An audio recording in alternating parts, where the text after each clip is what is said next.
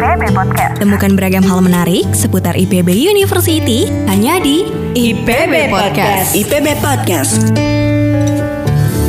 Assalamualaikum warahmatullahi wabarakatuh. Apa kabar Sobat IPB? Selamat datang di IPB Podcast. Sobat IPB, beberapa waktu yang lalu sempat ada peristiwa yang menarik atensi, yaitu munculnya situs bernama relanginternal.com yang secara interface dan juga eh, apa namanya atribut sangat menyerupai dengan situs resmi pemerintah lelang.go.id. Nah, keberadaan eh, situs tersebut diduga sebagai suatu sarana untuk kejahatan siber yang bernama phishing. Sebenarnya apa sih phishing ini? Nah, untuk itu kita akan membicarakannya di IPB Podcast kali ini. Telah hadir bersama kita narasumber yang sudah tidak asing lagi. Beliau adalah dosen dari Departemen Ilmu Keluarga dan Konsumen Fakultas Ekologi Manusia Institut Pertanian Bogor dan juga komisioner dari Badan Perlindungan Konsumen Nasional atau BPKN. Langsung saja kita sapa Dr. Megawati Simanjuntak. Apa kabar Ibu? Alhamdulillah sehat luar biasa Mbak Wina. Alhamdulillah, walaupun eh, cuaca sedang gerimis-gerimis mengundang terus ya Bu ya. Betul, maunya di rumah saja ya. Iya, maunya eh, rebahan aja gitu ya Bu ya. Tapi alhamdulillah sekarang kita bisa di, hadir di sini dalam kondisi sehat walafiat ya Ibu. Nah, seperti yang tadi sudah saya sampaikan di awal ya Ibu ya, kita ini eh, mengalami atau menemukan ada banyak peristiwa eh, tentang pemalsuan situs ya, bisa dikatakan seperti itu atau mungkin eh, Ibu nanti bisa jelaskan lebih lanjut lagi tentang yang dinamakan phishing. Apa sih phishing ini? Mungkin ada beberapa sobat IPB juga yang belum begitu akrab gitu ya Bu ya tentang phishing ini. Silahkan Ibu, bagaimana Ya? Mbak Wina memang perkembangan eh, teknologi digital ini kan luar biasa ya. Betul. Cepat sekali ya. Jadi eh, teknologi berkembang tapi juga ancaman keamanan cyber juga berkembang Mhm. ya. Jadi kenyamanan itu biasanya dekat dengan munculnya ketidakamanan Ya, ya. oke. Nah, kalau sekarang kita lihat eh, atau kita dengar ya eh, di media-media itu atau mungkin ada juga mahasiswa atau masyarakat yang sudah terkena phishing ini. Hmm. Nah, kalau kita eh, apa namanya lihat dari definisinya, kita lihat dulu akar katanya ya phishing ini. Jadi phishing ini sebetulnya dari bahasa Inggris. Oke, apa tuh? Phishing. Oh, phishing, Nah, mungkin- memancing ya. Betul, memancing ya. Mungkin karena apa lidah Sunda itu ya akhirnya terpleset menjadi phishing, Phishing ya. itu Oh, ya. gitu. Nah, kalau kita lihat phishing, phishing ini kan memancing ya. Mhm. Jadi eh, apa kalau kita lihat secara eh, definisi, jadi phishing itu bagaimana satu pihak dia memancing orang lain, ya calon Oke. korbannya Mhm. supaya dia eh, menginformasikan atau membuka data pribadinya secara sukarela Mhm. ya. Ini ataupun membuka data pribadinya tanpa disadari itu ya. Nah, itu phishing. Jadi eh, ada beberapa data ya eh, Mbak Wina yang apa namanya yang tanpa kita sadari kita share gitu ya. Apalagi dengan gadget kita ini kan semua informasi ada di situ ya. Iya, betul. Itu. Jadi eh, dengan mudah data kita seperti data pribadi ya, nama, kemudian eh, nicknya, kemudian apa bahkan sampai nama ibu kita Hmm, ya iya, itu betul. data-data pribadi kita kan sekarang dengan mudah bisa diakses Hmm, gitu. Kemudian juga data eh, rekening ya. Wah, kita ya, Bu? punya betul. Eh, jadi ada beberapa eh, apa bank yang eh, mungkin kita jadi nasabah di sana. Nah, semuanya kan ada di di gadget kita. Hmm. Ada internet banking, mobile banking, aplikasi kartu kredit dan sebagainya. Iya, betul. Ya. Jadi eh, ini semua eh, apa namanya adalah data-data yang diincar oleh pelaku dan pelaku itu sekarang makin ini ya makin Hmm. Canggih. apa canggih. Hmm. Bahkan untuk eh, apa aplikasinya sendiri ya eh, phishing ini tuh dijual bebas di online gitu. Jadi Dijual bebas. Iya betul, dijual bebas siapa pun bisa tanpa harus memiliki skill yang eh, sangat eh, apa namanya, yang expert sekali itu juga bisa. Wah, gitu, menarik ini, ya. Bu. Jadi ini phishing ini intinya adalah eh, bagaimana si calon korban ini ya itu bisa eh, Terpancing. apa, terpancing untuk membagi Oke. eh, datanya Hmm. Gitu dari situ nanti dia eh, apa namanya akan masuk ini si pelaku ini ke eh, device-nya atau gawainya si si korban gitu. Oke, berarti eh, memang mereka sengaja untuk membuat seperti tadi situs yang sama persis dengan situs resmi, Betul. bahkan domainnya aja eh, menyerempet-nyerempet situs resmi seperti Iya. itu ya, biar eh, si calon korban ini mm, menganggap kalau dia tuh menyerahkan datanya kepada situs yang Betul, eh, situs resmi. resmi yang legal, padahal mah tidak gitu Iya, ya bu. iya, Nah ini iya. eh, cara kerjanya memang hanya tadi kata ibu, saya justru menarik eh, per- baru pertama dengar bahwa aplikasinya bahkan diperjualbelikan gitu ibu ya. Eh, karena saya pernah dengarnya itu itu tadi hanya melalui situs yang dipalsukan begitu kan lalu eh, dari situlah eh, korbannya menyerahkan data begitu. Nah tadi ada lagi dengan melalui apli- aplikasi, apalagi aplikasinya diperjualbelikan. Mungkin ini bisa dijelaskan juga kepada sobat IPB. Emang ada apa saja ibu metode yang digunakan oleh pelaku phishing ini? Cara kerjanya seperti apa? Ya, eh, untuk paham ya, maksudnya bisa bisa eh, kita juga eh, tahu kerjanya, kemudian kita akan eh, membentengi diri kita supaya tidak jadi korban phishing gitu ya. Ada beberapa eh, trik yang digunakan ternyata. Jadi kalau kita bisa kategorikan itu ada tiga ya. Oke. Yang pertama itu dia melalui email ya. Jadi ada email phishing kan kita sering sekali terima email entah dari mana gitu ya. Oh, ya, ya, atau dia mengatasnamakan lembaga eh, resmi atau perusahaan tertentu lah di mana kita memang eh, apa menjadi nasabah di sana ataukah eh, apa namanya eh, kita aktif di sana itu ya. Biasanya sih memang perbankan. Jadi phishing ini erat kaitannya dengan perbankan itu jadi yang disasar sebetulnya lebih kepada data eh, rekening kita kayak OTP eh, apa namanya eh, nomor rekening kemudian eh, username kita kemudian password atau bahkan sampai OTP Waduh. itu ya. Jadi kalau email ini dia eh, apa namanya email ke kita, kemudian nanti kita akan diarahkan ya untuk eh, apa namanya mengklik ya, oke. mengklik satu URL link gitu ya, yang nanti kita akan di- diarahkan ke satu website. Memang ininya sih biasanya ke website ya. Nanti kita akan updating di situ mengisi eh, username, kemudian eh, password kita gitu ya. Nah itu sudah di eh, apa nama itu aplikasi itu memang dibuat atau website itu dibuat oleh si si oknum ini Oknum, ya. gitu dan oknum ini Mbak Mina kita harus hati-hati ya karena kami kebetulan dapat informasi dari Reskrim ya. Itu sangat terstruktur sekali gitu Wow. ya. Eh, apa siapa yang developing eh, aplikasinya siapa yang mengirimkan Hmm. nomor-nomor atau mengirimkan link-linknya gitu ya. Kemudian siapa yang menarik uangnya gitu ya. Ini sindikat sebetulnya ya. Jadi eh, dan tidak harus di ibu kota banyak eh, pelakunya juga dari wilayah-wilayah eh, Sumatera dari Kalimantan itu yang memang luar. apa namanya eh, ini ya ya sindikat bahkan lintas provinsi gitu ya nah balik lagi ke yang tadi ya yang pertama tadi lewat email ya kemudian yang kedua dia bisa eh, malware Malware. oke. malware ya. Nah, malware ini ya dia membuat satu aplikasi ya. Kemudian dengan malware itu eh, dia akan mengintroduce gitu ya, akan menyerang sistem eh, apa namanya sistem di gawai. Gawai kita. Di gawai kita gitu ya.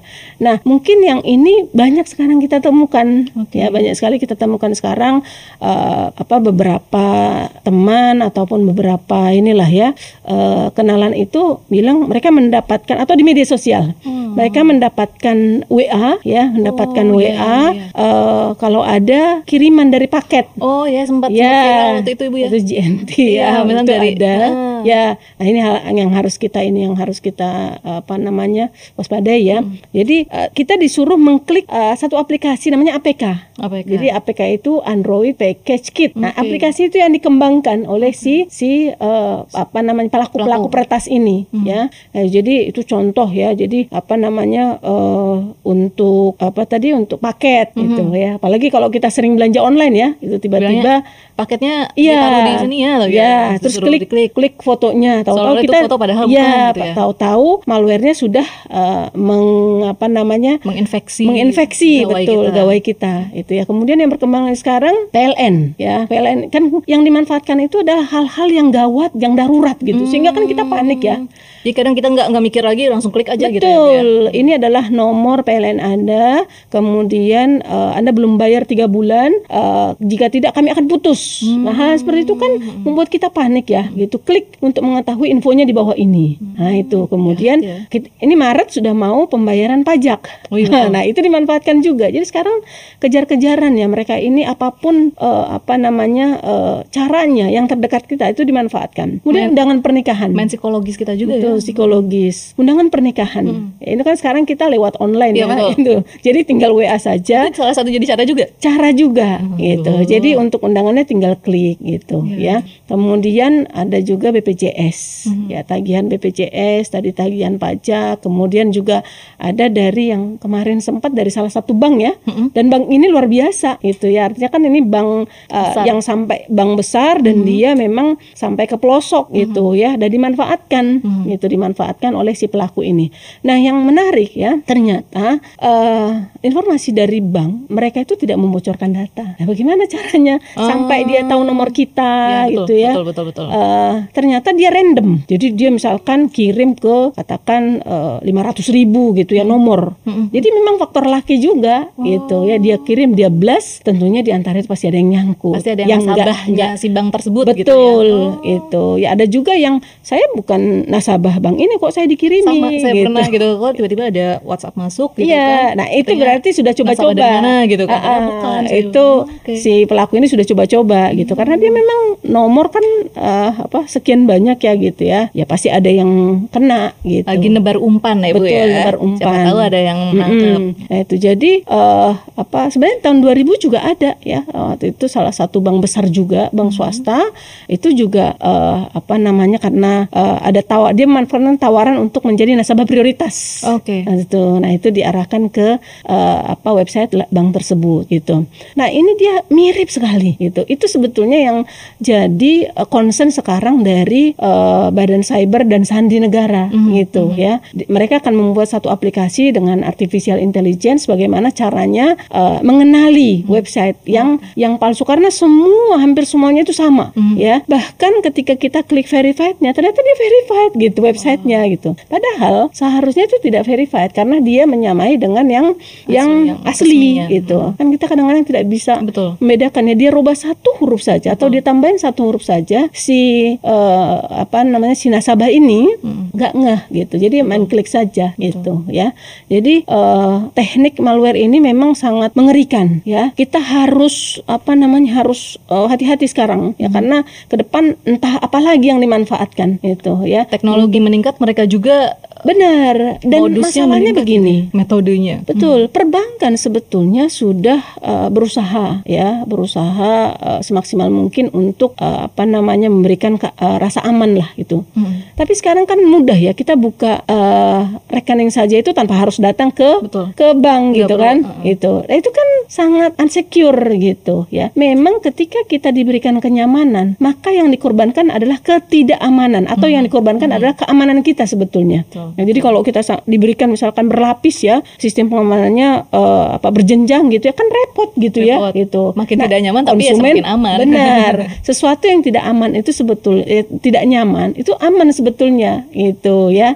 Jadi eh, itu mungkin apa namanya cara-caranya si si pelaku ini ya untuk eh, apa bagaimana caranya eh, menjerat ya atau mengelabui korbannya dan kalau kita lihat ya korbannya dari yang berpendidikan rendah sampai berpendidikan tinggi gitu Oke. ya. Jadi Siapa saja bisa kena Bu ya. siapa saja bisa kena. Ya, jadi eh, ya memang apa namanya eh, cara kerjanya semakin canggih dan semakin menyasar ruang-ruang pribadi kita gitu. Itu mungkin Mbak Wina caranya. Berarti tadi ada tiga ya caranya Bu. Mm-mm. Ada melalui email, melalui Iya, tautan, email, link kem- gitu ya, kan. kema- Kemudian juga aplikasi, aplikasi malware, malware. Dan atau yang ketiga adalah yang ini. Jadi untuk yang eh, ya kalau eh, apa namanya website ya Website. gitu. Mm-mm. Dengan website yang website mungkin hampir sama seperti yang tadi ya dia diarahkan ke ke apa namanya Website yang website tertentu sama, sama gitu persis ya. Jadi memang ya. ada tiga Mhm. tadi. Soalnya benar-benar res- resmi nih gitu. Jadi kita ketika Ya. mengaksesnya pun santai-santai aja. Ya. Ternyata bukan begitu ya Bu ya. Wah luar biasa. Nah tadi kan eh, Ibu juga sudah menjelaskan bahwa dari berbagai metode yang mereka buat itu mereka menyasar em, data kita gitu kan yang ada di gawai kita dan lain sebagainya. Kerugiannya itu yang bisa ditimbulkan dari eh, data yang mereka ambil dan Hmm. lain sebagainya itu apa sih Bu? Bisa separah apa kerugian yang kita alami? Iya, kalau kerugian tentu saja ya. Jadi kalau pertama kita bicara data pribadi. Walaupun sekarang memang uh, Undang-Undang Perlindungan Data Pribadi sudah disahkan oleh uh, apa DPR, tapi memang belum uh, karena belum ada lembaganya, jadi memang belum uh, apa namanya di di apa diimplementasikan. Oh, diimplementasikan, gitu. oke. Karena harus ada peraturan-peraturannya juga baik, baik. gitu ya. Nah, untuk uh, kerugiannya tadi ya uh, yang pertama ya tadi data data kita bocor di mana-mana dan mana-mana. kalau kita lihat sekarang penjualan hmm. nomor rekening perjualan data pribadi ya uh, di dark web itu kan luar biasa ya KTP kita bisa dihargai tujuh ribu satu bayangkan ketika ada satu juta KTP data kita hmm. ya itu berapa yang didapatkan itu hmm. ya itu kemudian mm, apa data nama ibu kandung kita juga nah, itu dia. ya. apalagi kalau untuk uh, perbankan pasti itu menjadi salah satu kunci ya bu ya? Betul. Nah itu udah sekarang tahu nama ibu udah bisa ngapa-ngapain tuh. Sekarang itu harus dipertimbangkan oleh perbankan bagaimana tidak menggunakan uh, nama ibu kandung betul. untuk verifikasi. Mm-hmm. itu jadi Karena itu ya, udah bukan sesuatu yang bisa dirahasiakan kita kan iya hmm. kalau dulu kan mungkin dengan apa namanya kita hidup di zaman belum media sosial mm-hmm. kan itu orang jarang tahu siapa jarang nama tahu, ibu kandung kita mm-hmm. gitu. sekarang sampai yang kita juga barangkali ketahui gitu ya. selamat ulang tahun kan namanya lengkap loh di sini nah itu semua sekarang kan terbuka di media sosial ya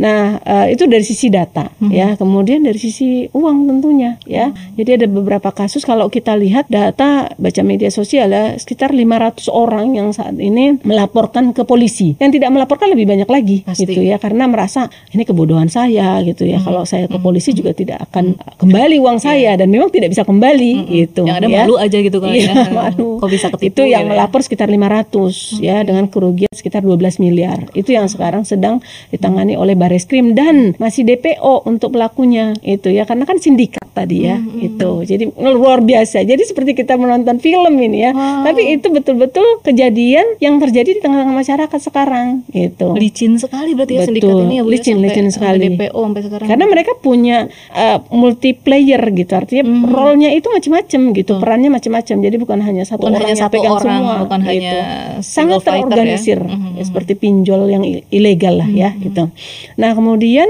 selain kerugian uang ya uh, dari sisi institusi yang di ini ya di atas namakan gitu ya uh, apa dari uh, perbankan ya trustnya berkurang gitu jadi ya mungkin sama seperti kasus pajak sekarang ya oh, iya, jadi ini kalau misalkan kita lihat sekarang kepercayaan terhadap iya. institusi pajak juga menjadi hmm. menjadi uh, semakin rendah gitu hmm. sama hmm. ya artinya uh, kalau sama mm, ya, ya. kalau misalkan bank X ini apa namanya mudah uh, diretas ataupun uh, membahayakan data Betul. saya, ya saya lebih baik pindah ke bank Betul. lain saja. Nah, gitu. pasti langsung mikir-mikir lagi ya Bu ya, Betul. ya. Betul. Jadi tetap jadi nasabah di situ. Iya, ya itu akan menghilangkan kepercayaan sekali lagi. Kemudian terkait juga dengan apa namanya uh, ya ini kan tindakan kriminal ya pidana sebetulnya gitu. Ini kan kejahatan itu ya. Jadi uh, ya kerugiannya juga di situ ya. Um, mungkin itu sih beberapa yang paling dominan ya mm -hmm. kerugian yang dirasakan oleh uh, apa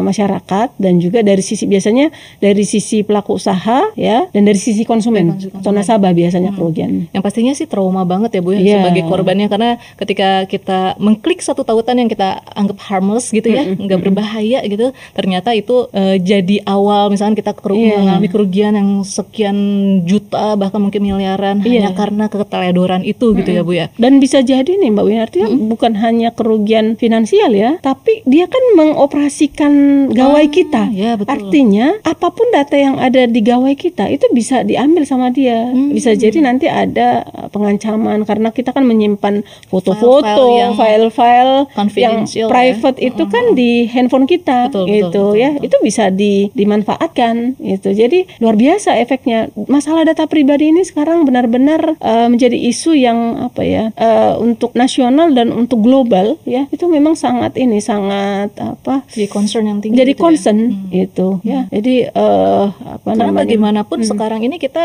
direpresentasikan oleh data kita itu, di dunia maya gitu ya, kita. ya. Jadi uh, ketika uh, ada orang pelaku yang sengaja untuk me, apa namanya? membuat data kita untuk hal-hal yang tidak baik dimanfaatkan ya, untuk kejahatan. Itu langsung impactnya langsung ke dunia nyata juga iya. seperti dana Betul. kita apa uang kita keambil atau mungkin iya. uh, seperti Ibu tadi bilang ada pengancaman-pengancaman mungkin hmm. karena rahasia kita yang ada coba kita tutupi ternyata diketahui oleh orang lain gitu ya Bu ya. Ragam hal menarik seputar IPB University hanya di IPB Podcast. IPB Podcast.